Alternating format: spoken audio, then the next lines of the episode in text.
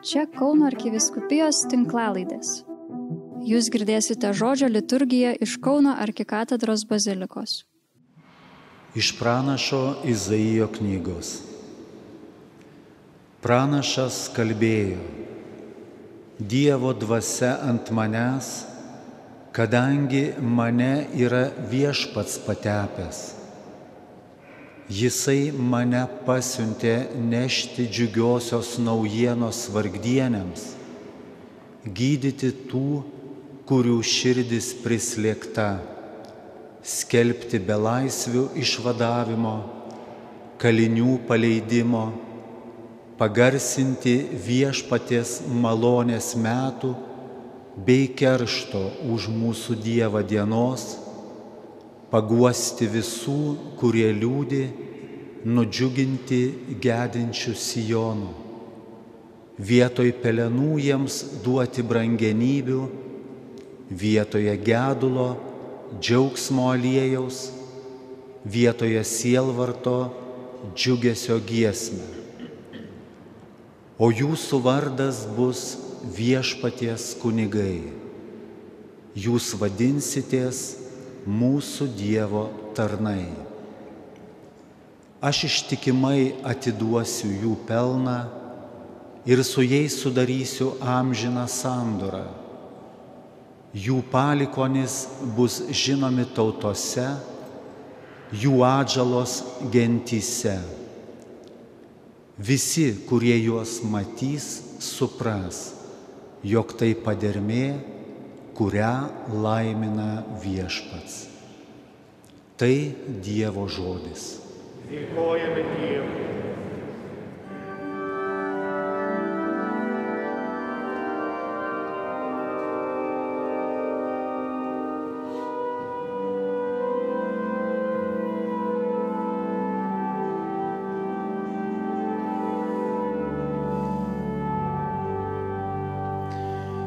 Viešpatie tavo malonės, gėdosiu per amžius.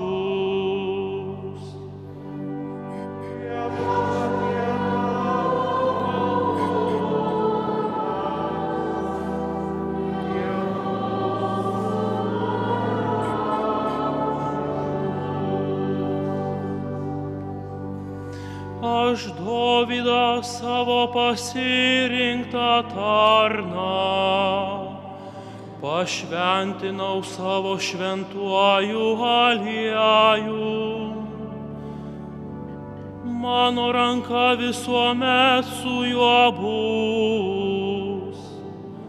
Jis stiprins mano galybę.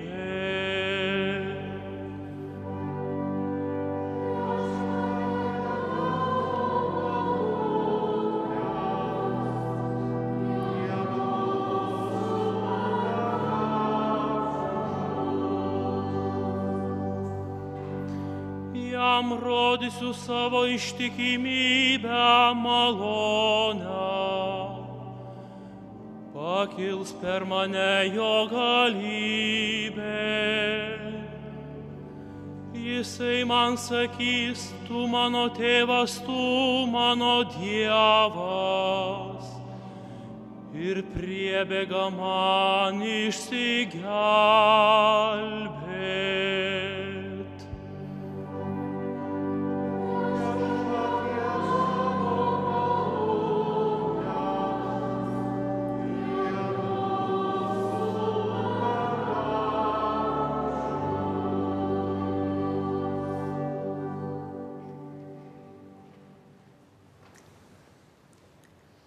Iš apreiškimo šventajam apaštalui Jonui. Malonė ir ramybė jums nuo Jėzaus Kristaus, ištikimojo liudytojo, pirmutinio prisikėlusio iš numirusių, žemės karalių valdovo, tam, kuris mus myli ir nuplovė savo krauju mūsų nuodėmes ir padarė iš mūsų karalyje bei kunigus savo Dievui ir Tėvui. Jam šlovė ir galybė per amžių amžius. Amen. Štai jis ateina su debesimis ir išvys jį kiekviena akis, net ir tie, kurie jį perdurė. Ir dėl jo raudos visos žemės giminės. Taip, amen.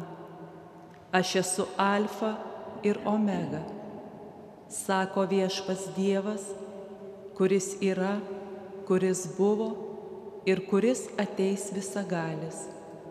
Tai Dievo žodis. Dėkojame Dievui.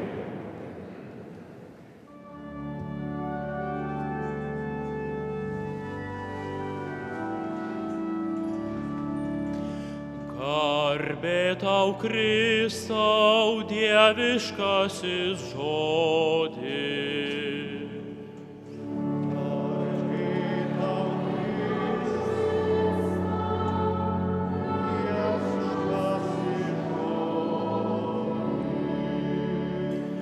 Dievo dvasia ant manęs, jisai mane pasiuntė nešti džiugiuosius naujienos vargdienės.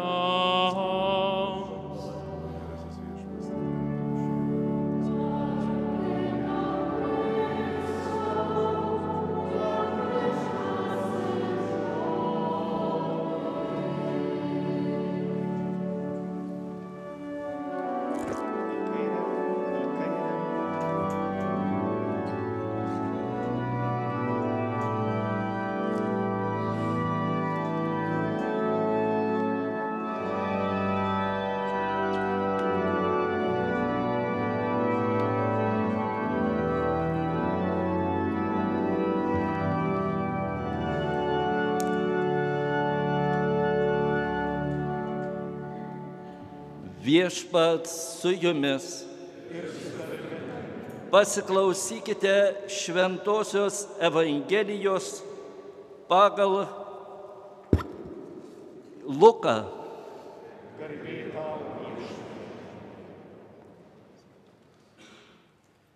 Anu metu Jėzus parėjo į Nazaretą, kur buvo užaugęs. Šabo dieną, kai pratęs, nuėjo į sinagogą ir atsistojo skaityti. Jam padavė pranašo Izaijo knygą. Atviniojęs knygą jis rado vietą, kur parašyta. Viešpaties dvasia ant manęs, nes jis patepė mane, kad neščiau gerąją naujieną vargdienėms, pasiuntė skelbti belaisvėms išvadavimo, akliesiems regėjimo, siuntė vaduoti prislėgtųjų ir skelbti viešpaties malonės metų. Užvėręs knygą, Jėzus gražino ją patarnautojui ir atsisėdo. Visų sinagogoje esančių akys buvo įsmeigtos į jį. Ir jis pradėjo jiems kalbėti šiandien įsipildė ką tik jūsų girdėti rašto žodžiai. Girdėjote viešpaties žodį.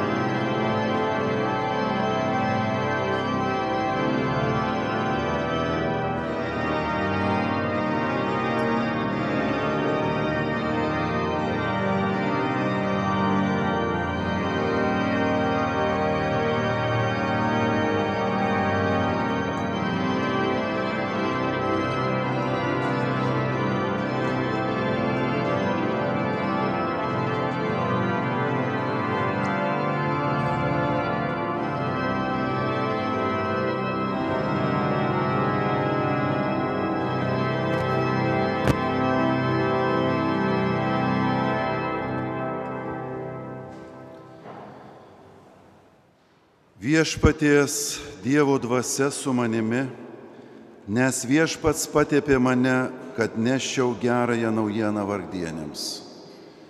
Brangus broliai ir seserys, Šis pranašo šūksnis aidu atsikartojęs viešpaties Jėzaus lūpose Nazareto sinagogoje, palydimus į didžiojo ketvirtadienio liturgiją. Ji mums primena krikščioniškojo patepimo dovaną, kai šventinami šventieji krizmaus, katechumenų ir ligonių aliejai. Ji mums kalba apie kiekvieno tikinčiojo misiją nešti gerąją naujieną. Švenčiame visuotinės ir tarnaujančios kunigystės dovaną, Dievo mums skirtą ypatingą pašaukimą dovanot pasauliui Kristų. Didį ketvirtadienį Dievo tauta bažnyčia tarsi iš naujo pažvelgia į savo ganytojus kunigus, į jų misiją ir ypatingą pašaukimą, kuriuo Jėzus pasidalino su savo bičiuliais apaštlais tardamas.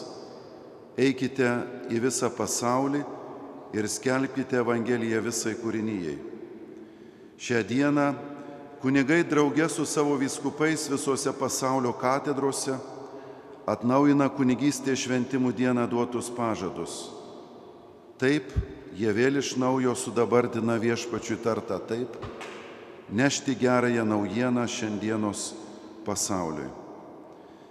Šiandien įsipildė ką tik girdėti jūsų raštų jūsų girdėti rašto žodžiai, ištarė Jėzus nustebusiems savo gimtojo Nazareto miestelio gyventojams, kurie savo žvilgsnius įsmeigė jį. Jėzus jiems puikiai pažįstamas, augęs dailydės Juozapo ir Marijos šeimoje, juos suglumino. Ir ne dėl perskaitytų pranašo Izaijo žodžių, bet dėl tos galios, kuris klido iš jo asmens, aiškinant šiuos pranašiškus žodžius. Jiems prieš akis atsivėrė dieviškojo asmens didybė ir paprastumas. Jėzus padovanojo pasauliui Dievo artumą. Jis tapo sudabartinimu tuo, ką taip ilgai vylėsi jo tauto žmonės.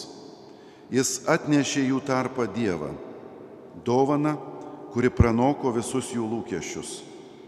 Ta kartą Nazareto gyventojus apėmė Dievo artumo nuostaba, kasdieniško, tačiau netikėto, ar gali tai būti mūsų artimas kaimynas.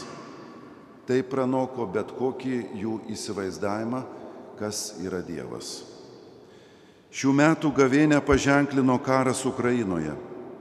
Tai, ką išvydo pasaulis pastorio mėnesio dienomis, galime drąsiai vardinti šietoniškos galios siautėjimu.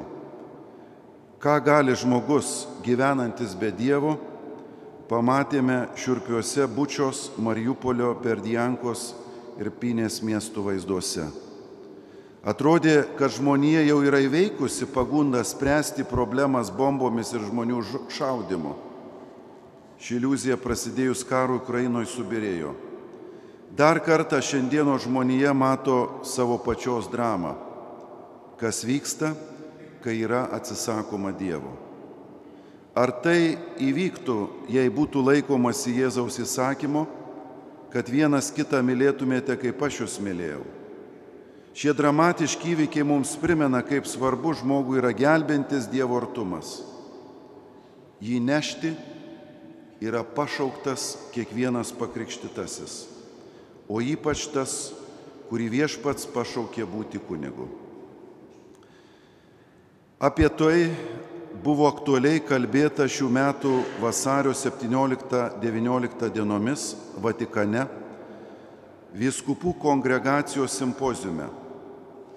Jame siekta pagilinti kunigystės teologiją ir iš naujo apmastyti esminius kunigo tapatybės bruožus katalikų tradicijoje kardinolas Markas Wallet, susitikimo organizatorius, simpozimo kalboje sakė, mums teks nueiti dar ilgą kelią, kol pakrikštytieji supras, kad jų krikštas yra ne tik pasas į dangų, bet ir pareiga perduoti likusiai žmonijai lobį, kurį jie nešioja savo širdyse per tikėjimą į Kristų.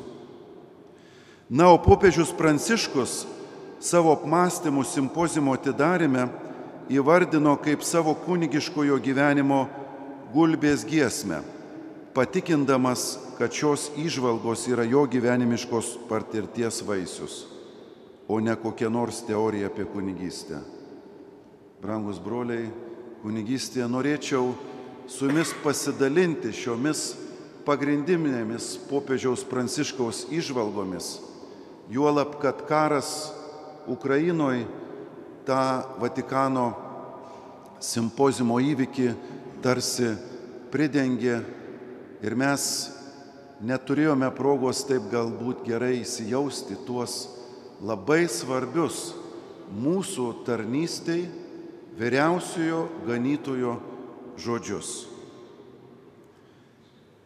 Popiežius Pranciškus simpozijume įvardino keturis kunigiškojo gyvenimo ramščius, pavadintus keturiomis artumo formomis, nes jie imituoja paties Dievo stilių, iš esmės esantį intimumo ar artumo stiliumi. Popiežius sakė, jaučiu, jog šiuo istorijos momentu Jėzus dar kartą kviečia mus irtis į gelmę pasitikint, kad jis yra istorijos viešpas ir kad jo vedami atrasime kryptį, kurią turime eiti. Mūsų pačių gyvenime, o ir mūsų bendruomenėse dažnai trūksta užkrečiamo apaštališkojo olumo, todėl jo stokoja entuzijazmo ir patrauklumo. Todėl turime naujai atrasti šį Dievo stilių, pasireiškinti ypatingu, užjaučiančiu ir švelniu artumu kad širdys iš naujo suvirpėtų troškimu panašėti į Jėzų, mylėti kitus taip kaip Jėzus ir taip daryti Dievą regimą šiame pasaulyje, įgyvendinant mūsų pašaukimą į šventumą. Pirmoji artumo forma tai artumas Dievui. Kaip svarbu iš naujo įsijausti Jėzaus žodžius. Aš esu vynmedis, o jų šakelės. Jono Evangelijoje jais pabrėžiamas pasilikimas. Juk Jėzus sakė, kad tie, kurie yra jame, duoda gausių vaisių, nes nuo manęs atsiskyrę jūs negalite nieko nuveikti. Toks artumas gimsta maldoje, klausantis viešpatie žodžio, švenčiant Euharistiją, adoracijos tyloje, savęs patikėjime Marijai, išmintingame dvasios tėvo palidėjime ir sutaikinimo sakramente Ar tikrai turime dvasios tėvą, ar dažnai atliekame išpažinti?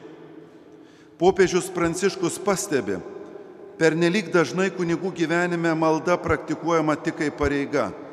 Pamirštame, kad draugystė ir meilė kyla ne iš taisyklių laikymosi, bet yra esminis širdies pasirinkimas. Besimeldžiantis kunigas yra sunus, nuolat prisimenantis, kad jis yra kas jis yra ir kad jis turi labai mylinti jo tėvą. Svarbi popiežiaus pastaba, kad nereikia bijot maldos patirties, mus tarsi traukiančios į dykumą, iš kurios neretai norima bėgti į tariamą interneto, televizijos ar kitų prasiblaškimo būdų kabutėse paguoda. Tačiau žinome, kad būtent šioje dykumos tyloje prabyla viešpats, kuris pasak pranašo Ozėjo, sako savo tautai, kalbėsiu ją švelniai. Taip, kunigas tampa artimesnis tautai, o būdamas artimas žmonėms, jis patiria artumą savo viešpačiui. Antroji artumo forma tai artumas vyskupui. Čia kyla dilema, ką reiškia paklusnumas vyskupui. Paklusti, pasak popiežiaus pranciškaus, tai išmokti klausytis, prisiminti, kad niekam nepriklauso Dievo valia, kad ją reikia suprasti tik išvelgiant. Taigi, paklusnumas yra dėmesingas įsiklausimas į Dievo valią, kuri atpažįstama būtent ryšyje santykėje su kitais. Čia vyskupo vaidmuo būti kiekvienam kunigui, o ir kiekvienai konkrečiai bažnyčiai ryšiu, padedančiu išvelgti Dievo valią o ir pats vyskupas turi būti dėmesingas savo kunigų ir jam patikėto šventosios Dievo tautos gyvenimui. Paklusnumas yra asmenis sprendimas priimti tai, ko iš mūsų prašoma. Tai gali būti diskusija, atidus klausimasis, o kai kuriais atvejais įtampa, bet nelūžis. Tam būtinai reikia, kad kunigai melstųsi už savo vyskupus ir jaustųsi laisvi, pagarbiai, drąsiai ir nuoširdžiai reikšti savo nuomonę. O viskupai turi parodyti nuolankumą, gebėjimą išklausyti, būti savikritiški ir leisti savo padėti. Jei sugebėsime įsaugoti šį ryšį, saugiai žengsime pirmin, sako popiežius Pranciškus. Trečioji artumo forma - tai artumas su kitais kunigais. Jėzus yra ten, kur yra vienas kitą mylinčių brolių ir seserų.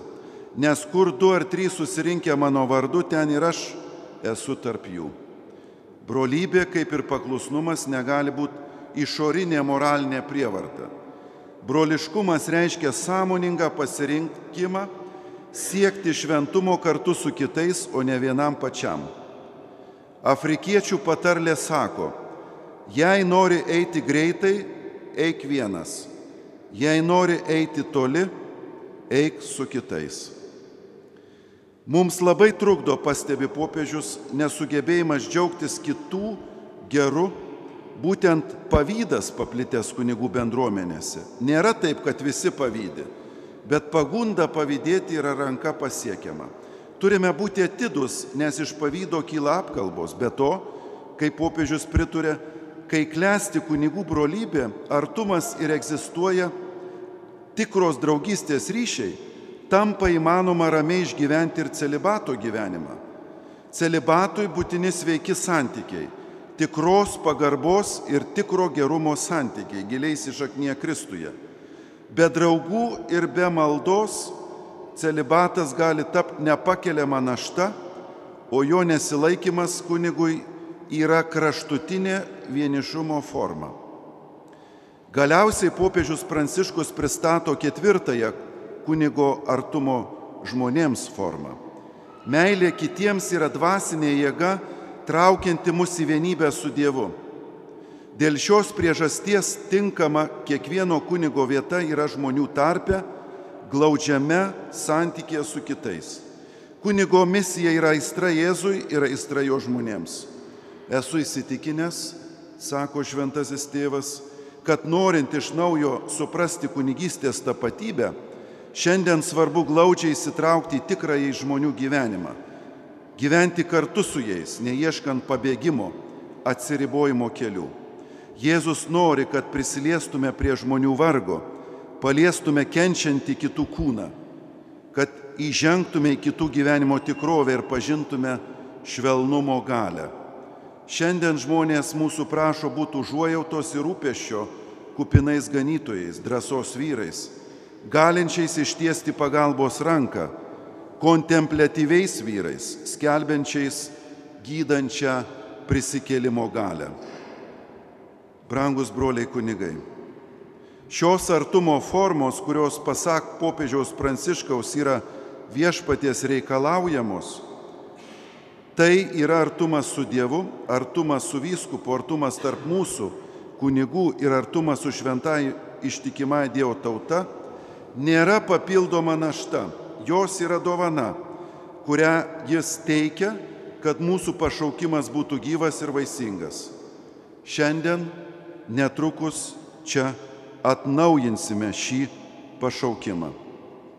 Brangus tikintieji, melskitės už mus jūsų ganytojus, kad galėtume atspindėti savo gyvenimu Jėzaus mums dovanotą pašaukimą, būti jums geraisiais ganytojais, skelbiančiais gerąją naujieną, dovanojančiais viešpaties artumą ir drauge keliaujančiais su jumis į mus mylinčio tėvo. Amen. Amen.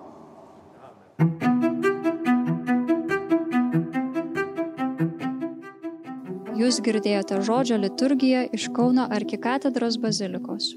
Čia Kauno arkiviskupijos tinklalaidės. Sekite mus ir prenumeruokite.